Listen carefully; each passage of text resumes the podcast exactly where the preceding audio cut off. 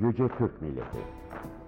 Büyük Atatürk'ün bize emanet ettiği ülkesi ve milletiyle bir bütün olan Türkiye Cumhuriyeti Devleti, son yıllarda izlediğiniz gibi dış ve iç düşmanların tahrikiyle varlığına, rejimine ve bağımsızlığına yönelik fikri ve fiziki haince saldırılar içindedir.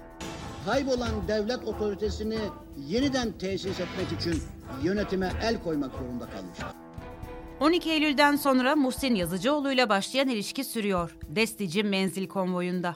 Menzil tarikatı lideri Abdülbaki Erol'un ölümünün ardından Cumhurbaşkanı Recep Tayyip Erdoğan taziye mesajı yayımlamıştı. Türk Hava Yolları uçak seferlerini artırırken cenazesi ise çakarlı araçlarla Adıyaman'a doğru yola çıkarılmıştı. Konvoyda Büyük Birlik Partisi Genel Başkanı Mustafa Destici'nin de olduğu öğrenildi. Büyük Birlik Partisi Kocaeli İl Koordinatörü Metehan Küpçü görüntüleri sosyal medya hesabından paylaştı. Küpçü paylaşımında Genel Başkanımız Sayın Mustafa Destici Ankara'dan Adıyaman Menzil'e Seyyid Abdülbaki El Hüseyini Hazretlerimize eşlik ediyor. Rabbim Peygamber Efendimiz'e komşu eylesin dedi. Büyük Birlik Partisi'nin Menzil tarikatına yakın olduğu biliniyor. 12 Eylül darbesinin ardından ülkücü Muhsin Yazıcıoğlu ve arkadaşları Büyük Birlik Partisi'ni kurmuş ve Menzil tarikatına düzenli olarak gitmişlerdi. Bu tarihsel ilişkinin bir sonucu olarak Destici de bugün tarikat liderinin cenazesinde yer alıyor.